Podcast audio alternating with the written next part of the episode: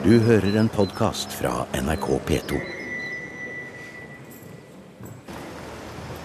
Ja, Gitte, nå står vi i det pulserende København, i en liten sjarmerende, nær sagt, eh, sidegate. Til ikke hva som helst, men til selveste Kristiansborg. Ja, lige over på, på den andre side den store port, vi står her foran, der har vi Christiansborg, hvor Folketinget ligger. Og hvis man går lidt ind til højre, så har vi faktisk øh, det kongelige bibliotek med en meget, meget smuk bibliotekshave. Og det sjove er, at tidligere kunne skibe jo sejle helt ind i bibliotekshaven. Der er på væggen en stor ring, hvor man kunne få tøj og skibene. Der kan man stadigvæk se. Men det er meget lang tid siden. Det er i mellemtiden, at jorden er blevet fyldt op, og det er blevet havet. Ja, Da var det ofte norske sjøfolk om bord. Nå kommer en av ministrene ved det er ut kjørende her, og en del av disse automatiske stoppanordningene går ned. og det. Vanligvis i museum så ville det jo ha vært de danske årlogsskipene med norske sjøfolk vi ville ha snakket om. Men nå går tankene mer over til Kristiansborg og det danske folketing, som vi også står like ved siden av. Vi skal inn i de store hallene som en gang utrustet den dansk-norske helstatens militærmakt på de syv hav. Men det er for å snakke om noe helt annet, nemlig samtidshistorie. I dag er de hvelvede hallene i Tøyhusmagasinet en del av Nasjonalmuseet i København. Og der inne er det en utstilling som vi skal se nærmere på om et lite øyeblikk. Den utstillingen handler om flyktningestrømmene nordover i Europa. Den er et eksempel på samtidsdokumentasjon, og at Nasjonalmuseet i Danmark følger med i sin egen samtid. Det er en viktig del av museenes rolle i samfunnet, sier museumsinspektør Gitte Engholm, som forteller at ideen til en utstilling om flyktningene kom da debatten raste på sitt mest intense høsten 2015. Den startede især måske nok i Danmark i september 2015, hvor flygtninge kom til en lille færgehavn nede i den sydlige del af Danmark, der hedder Rødby. Og vi så billeder på tv, at folk begyndte at vandre op ad vores motorveje.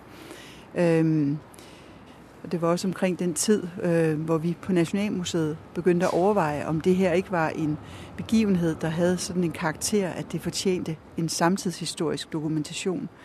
Vi har jo løbende forpligtelse til at dokumentere væsentlige begivenheder. Vi havde for nogle år siden øh, et lille terrorangreb, øh, også hvor et par stykker, et par mennesker blev dræbt i Danmark.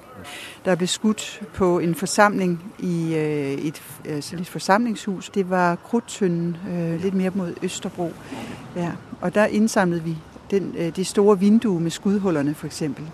Øh, så vi laver sådan løbende lidt samtidshistorisk dokumentation Samtidsdokumentasjon som stillferdig og nøytralt skildrer begivenheter som preger samtiden. Det er oppdraget, sier Gitte Engholm. Utstillingen På flukt åpnet i slutten av januar 2017 og har allerede fått rikelig av både ris og ros. Flyktningepolitikken er et hett politisk tema, men det er ikke poenget for Nasjonalmuseet. Vi tar ikke noe politisk standpunkt. Det overlater vi til publikum, sier museumsinspektør Gitte Engholm. Øh, det, der var, har vært vår intensjon, det var sådan set å skildre, hva det vil sige å, å være flyktning. livet på flukt. og ha det i sentrum. Hva folk så vil konkludere, det er litt opp til dem selv. Og jeg vil mene, at man sådan set kan se utstillingen og både finne stoff til at være modstander af, at flygtningene kommer, men også øh, det modsatte. Øh, vores ønske har været at sige, men det her er det emne, der optager mange, og vi mener, at vi med genstande og den måde, vi som museum fortæller historier, kan tilføre den debat, der kører i det danske samfund noget. Men øh, vi går ikke ind og tager stilling som sådan for eller imod. Om vi skal have mange flygtninge eller få flygtninge, om de skal blive her eller skal rejse, det er ikke det, udstillingen handler om. Nå fryser vi litt. Nå går vi inn og ser, og du må fortelle hvilken fantastisk stor, flott tredør, og hva den fører inn til. Nå går vi inn til Tøjhusmuseet gennem en stor port. Gjennom en meget stor, tung, grønn dør. Sådan. Her kommer vi inn igjen. Vi kommer bokstavelig talt inn på ja, på 1700-tallet her nå. 1600-1700-tallet. Ikke sant? Det er jo det Ja, det det er bygget i 1604 av Christian den 4. og var her, hvor han hadde sitt militærudstyr og sine uniformer. Ja. Og Vi går videre inn, ja, og vi kommer inn. Her endrer det seg. Å, se her! Se, det, dette rommet, Gitte, må du beskrive. Det hvelvingene buer seg opp her. Ja, det er et meget fantastisk rum med brosten og hvide hvelvinger. Um, men det mest dramatiske er jo nok alle de mange kanoner fra mange århundreder her. En stor hall. Det er mange, mange eh, titalls meter ned mot fondveggen. Der nede ser dere det står en plakat 'Den fjerne krig'. Og som du sier, det begynner med eldgamle kanoner fra skip her foran. Og det er luftvernskyts etter hvert som man kommer lenger ned. Vi går ned blant dem, fordi vi skal ned den veien. Men det vi skal inn på nå, det er ikke en utstilling om krig. Men vi, den er plassert et sted her, da, hvor vi går gjennom krigen først, på en måte. ja, det gør vi jo, fordi vi, vi kan man si, vil fortelle selvfølgelig, at flyktninger er en konsekvens av krig. Vi har lenger nede en, ups, vi har lenger nede en udstilling, som du ganske riktig sagde, der hedder Den fjerne krig, øh, som er en fortelling om en afghansk soldat, der rejser til, til Afghanistan, og det er en meget øh, sådan, øh, scenografisk udstilling. Det bliver meget brugt af vores skoleklasser. Og tæt på den har vi så placeret vores nye lille udstilling, der hedder På flugt. Vi må bare si at nå går vi foran kanonmunningene. Det er like før vi tar frem en sånn nellik og stiller oss foran her nå. Fordi nå har det blitt større og større kanoner, og nå har vi kommet helt frem til 1800-tallets kanoner, ja. De var akkurat eh, litt for små til å stå imot uh, tyskerne på Dybbølmølle, ja. Det er utrolig. Det er så langt. Det fortsetter og fortsetter nedover disse kanonene. Men midt nede der så stopper vi opp, og der ser vi Det første vi ser, det er et stort pressebilde av en gummiflåte. Antagelig ved Lesbos eller et annet sted i Middelhavet. Og det dramatiske som gjør at man nesten fryser på ryggen, det er at den flåten ligger jo der. Ja, det er en, en øh, gummibåd, som vi har fået. Og faktisk har vi et billede, pressebillede, som du kalte er, er en øh, græsk pressefotograf, som var til stede en tidlig morgen, da den her båd kom i land. Og den unge mand, man kan se foran oss her i vannet med en t-shirt, han er meget øh, muskuløs. Han er dansker, men han tog ned i 2015 og for at se, om der var noget, han kunne hjælpe til med nede på de græske øer på Lesbos. Og da han så tilstanden dernede, hvor der kom flere hundrede flygtninge hver dag og hver nat, så besluttede han sig for at blive der og dannede en organisation, der hedder Team Humanity.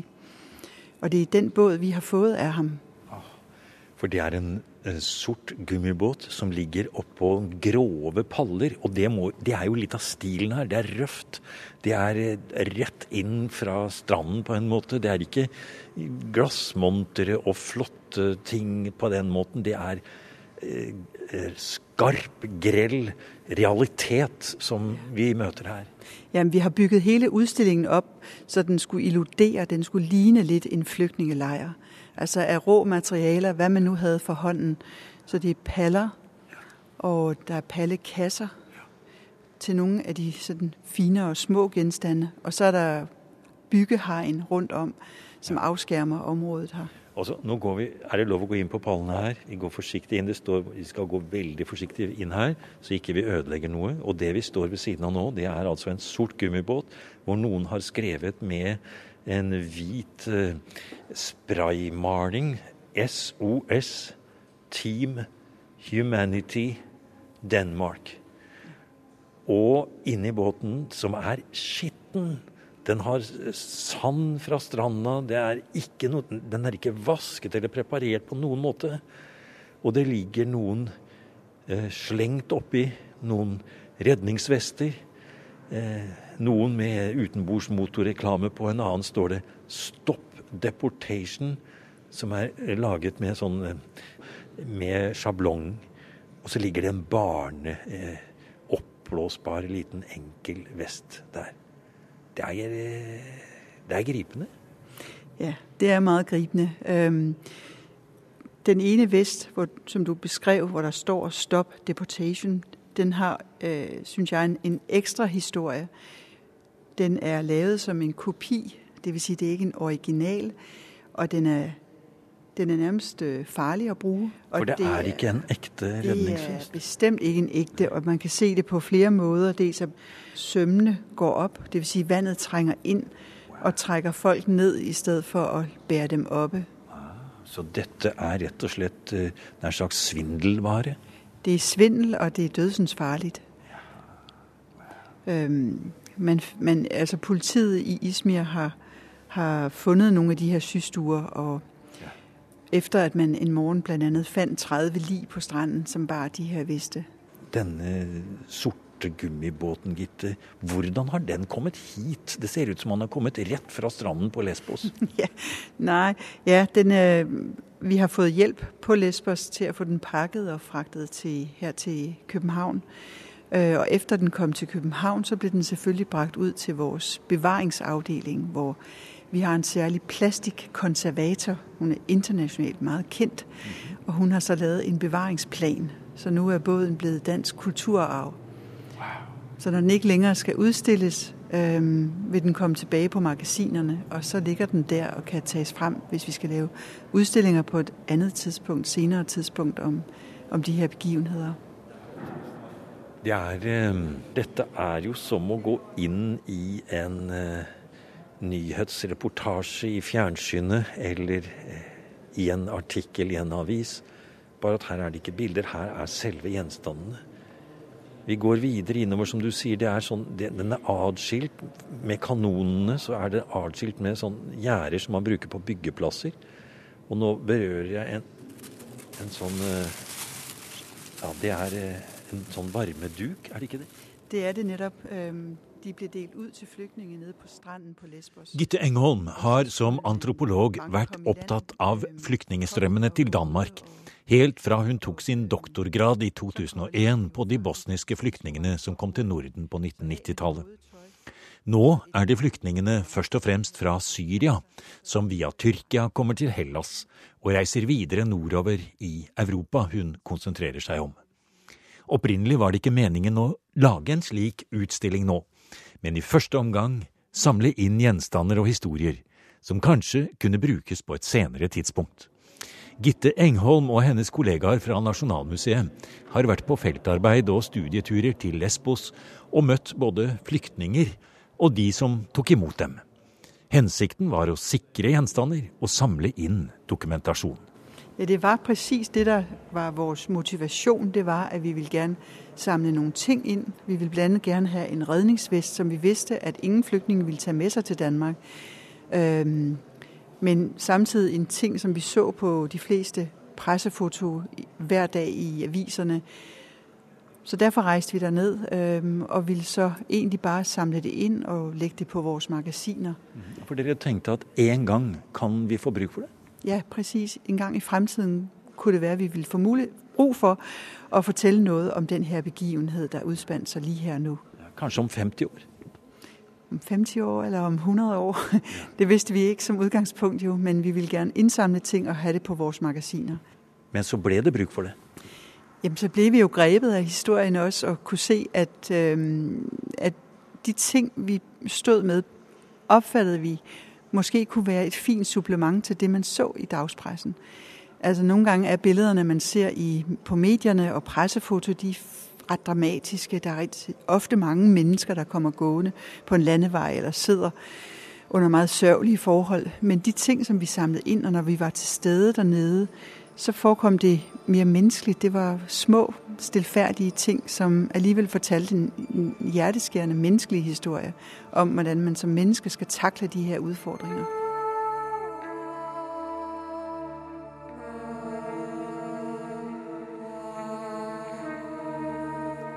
I utstillingen På flukt i Tøyhusmuseet i København viser museumsinspektør Gitte Engholm oss rundt i et område som er innrammet av byggegjerder i stål, og som skal minne om en provisorisk flyktningeleir. Utstillingen er delt opp i avdelinger som følger flukten fra hjemlandet til en endestasjon i Danmark. og det er lite tekst. Noen få utvalgte gjenstander som er brukt av flyktningene underveis, og samlet inn og tatt med til Danmark av Nasjonalmuseets kuratorer. Vi kommer til et grovt snekret stativ av to ganger fire boks og halvharde plater med noen smale hyller av vannfast kryssfiner til å legge mobiltelefoner på. Det er grenkontakter på hver hylle og et ledningsnett i virvar. Men mobiltelefonen er viktigste redskap en flyktning kan ha. Og mobiltelefoner må lades. Det er meget svært å få øh, informasjonene hurtig nok. Noen ganger endrer politikken seg. En grense er åpen, det neste øyeblikk er grensen lukket. Og du sier at informasjonen sprer seg raskt, bl.a. pga. det vi står og ser på her. Ja, Det er en ladestasjon. Den ja. er fra en, en lille leir på Lesbos. Det er plass til mange telefoner, og vi ser et bilde av det under her. For det er eh, helt livsviktig, for man skal ringe til de man reiser sammen med. Man skal ringe hjem, man skal ringe til landet man kanskje håper å komme til. Man skal også forsøke å søke asyl. Ja. Altså de, I Grekland, som er det første europeiske sikre land, skal flyktningene jo søke asyl. Og så kan de søke om å komme på et omfordelingsprogram. Men det var jo svært. Der var ofte ikke noe internett oppe i Idomeni, og man kunne kun søke noen få timer om dagen på Skype til kontoret. Her, gutter, her, er vi, her er vi kommet fram til den neste stasjonen i denne utstillingen. For den er delt opp i flere stasjoner. Eh, og det er små dikt på en måte, eller små sånne haiku-lignende vers. Eh, og til å være på et museum så er det lite og poetisk, det som står. Her står det 'du lever i midlertidighet', hele tiden på jakt etter nye informasjoner. Kanskje blir din leir ryddet i morgen. Kanskje åpner en grense seg. Noen vil hjelpe deg. Noen vil utnytte deg. Hvem kan du stole på? Vi har presis lavet teksterne på den måte at vi vil gjerne ha det vi kaller temateksterne. Der er syv temaer, eller kapitler kunne man jo også kalle det at de taler meget direkte til mennesket. Korte sætninger, de er nemt at overskue, og det rammer måske mer direkte. Og så er der genstandsteksterne, som er korte og mer faktuelle, meget nøytrale. Vi går videre litt her inne i Tøyhuset i København. Når vi går rundt her inne i en i et miljø som jo er preget av et eh, nær sagt et eh, militærmuseum. Vi ser jo bomber og eh, kanoner og Afghanistan-krigen, utstilling om den, rundt oss på alle kanter. Og midt inni her så står det et par støvler inne i en glassmonter. Ja, støvlene stammer fra et asylcenter her, som er sett en modtagelejr. Og det er en ung syrisk fyr der satte dem og fikk et par andre i stedet. Ja. Nå efterlod han liksom ja. Ja. det siste støv. Og vi står overfor et kort der viser forskjellige flyktninges ruter opp igennem Europa. Vi har innsamlet et antall historier. Vi samarbeidet med et annet museum der heter Emigrantmuseet, som også har innsamlet historier og beretninger og lavet en lille udstilling. De har lavet 20 intervju med folk, og vi har lavet 10. Og her har vi så valgt noen stykker ut. Man kan se Øh, initialerne på personen, ikke det fulde navn. Der var ikke noen der ønsker verden å ha deres foto eller deres fulde navn på. De vil gerne være anonyme. Men der står hva profesjon de har hatt, hva de har lavet i Syrien, og hvorfor de flyktet, og hvor mye det har kostet dem. Og, og det du sier nå, det kommer opp eh, på en kalket eh, murvegg inne i tøyhuset her. Det er ikke noe lerret eller noe sånt, men det er en flekkete, kalket murvegg som har stått her i noen hundre år. Og så kommer det som maskingeværsalver sånne små lysbokstaver som fyller opp veggen, samtidig som ruten som de har gått, ser vi som en prikkete sti eh, utover veggen. Det er en veldig flott visuell ting å gjøre det på. Og altså nederst til høyre så står det i en glassmonter et par flyktningestøvler og så møter vi da flyktning etter flyktning og de forskjellige opplysningene som vedkommende har gitt. Her har vi en som sier at det har kostet ham 48 000 danske kroner å foreta denne flukten. Her kommer det en ny opp. Et navn, kandidat i idrettsvitenskap, kommer fra en by i Syrien. Han flykter fra militærtjenesten. Han hadde 34 000 kroner i utgift. Og så kommer den prikkete stien her borte hvor han har også sitater ja, altså sitaterne er jo meget sterke. Vi ville jo aller helst ha hatt hele fortellingen, fordi det er noen voldsomme beretninger. Men, vi, vi, gikk, vi, gikk, oss vill i fjellene og i skogene, og vi vandret i tre dager. Vi nådde til en liten landsby hvor en av beboerne ga oss noe å spise og viste oss vei. Etter det krysset vi Makedonien med busser inntil vi nådde den serbiske grensen. Uh, og så ser vi denne stien som han har gått, og til slutt så havner det opp i dalen. Så kommer det et nytt navn. Salah Aladdin Hanna. Det er en som har gitt sitt navn. Ja, han var modedesigner. Jeg har sett noen bilder av de kjoler han har sydd til kvinner, som Utgifter var 73 000. På utstillingen i København er det en direkte datalinje til FNs høykommissariat for flyktninger, som viser et løpende tall over hvor mange mennesker som er registrert som flyktninger til enhver tid, på den ruten utstillingen tar for seg. Hele tiden mens de besøkende er i utstillingen, endrer tallet seg. Og for den som vil, kan man ta på seg et par databriller og få en virtual reality-opplevelse av et rom i en flyktningeleir og en vandretur rundt på stranden på Lesbos, hvor det ligger tusenvis av brukte flytevester.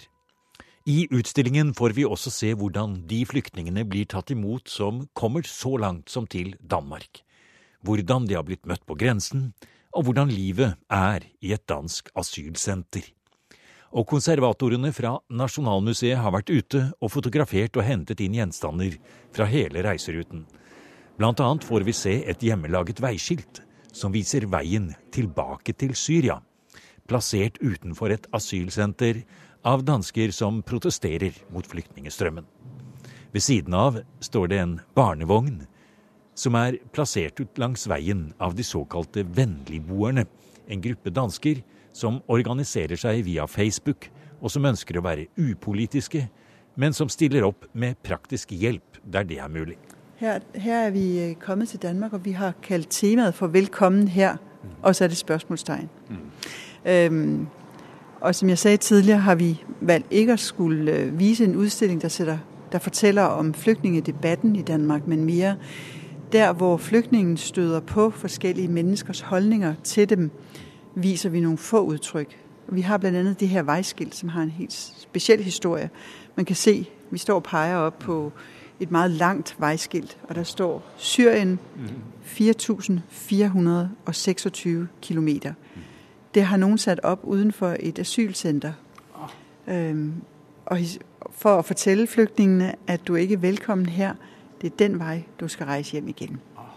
Så det er en av de få ting vi har med, man kan si, der dokumenterer oss for eftertiden at der har vært danskere som ikke har brudt seg om at der kom flyktninger, som, hvor det har skapt utrygghet og vrede. Til gengæld så har vi så også f.eks.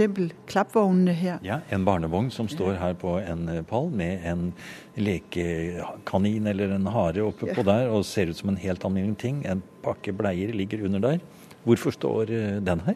Den står her fordi har, den ble satt opp ute ved landeveien nede ved Rødby, som var et av de første steder hvor flyktningene begynte å komme. Bak denne lille sportsvognen, barnevognen, da, ja. så ser vi et bord med eh, saft, og det er glass der man kan drikke, det er noe kjeks der, og så er det to stoler fulle av klær.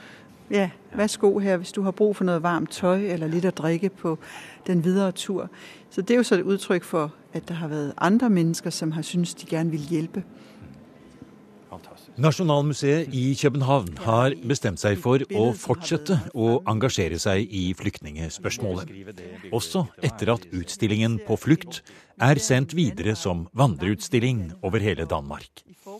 I de nye integreringslovene som er vedtatt i Folketinget, stilles det krav til dem som har fått asyl, om at de må utøve et aktivt medborgerskap og gjøre en egeninnsats for å sette seg inn i hva det vil si å være dansk. Og det er kanskje noe som museet kan hjelpe til med, sier Gitte Engholm. Ja, Nasjonalmuseet har lige inngått en ny avtale med ministeriet og lavet en strategi for de kommende år. Om helt sentralt i vår strategi står der nå at vi skal arbeide med medborgerskap og historiebevissthet. historiebevidsthed. Fordi uansett om de mennesker der nå kommer som flyktninger til Danmark, de blir her, eller om de skal repatriere, altså reise hjem til deres hjemland igjen og være med til å gjenoppbygge deres land, så er de medborgere for en periode. Men det kniber med at forklare dem, hvad vi mener med medborgerskab. Og også hjælpe dem med måske i virkeligheden at være aktive medborgere. Så i de kommende tre år, der vil vi fra Nationalmuseet arbejde med at skabe introduktionsprogrammer til flygtninge, øh, hvor vi vil bruge historien til at fortælle, hvordan samfundet er blevet skabt. Hvordan er det, vi har fået de her demokratiske strukturer i dag? Det er ikke noget, der ligger på vores gener. Det er noget, der går kampe forud, og det er noget, som vi skal blive ved at være med til at bidrage til, at vi kan bibeholde. Men vi har nogle kompetencer på museerne til at formidle historier, og vi har en stor viden om nogle rigtig spændende historier. Så dem vil vi bruge også til at lave nogle introduktionsprogrammer. Ligesom at bruge museet som ramme, men hvor det handler om at skabe netværk og relationer også. Du har hørt en podkast fra NRK P2.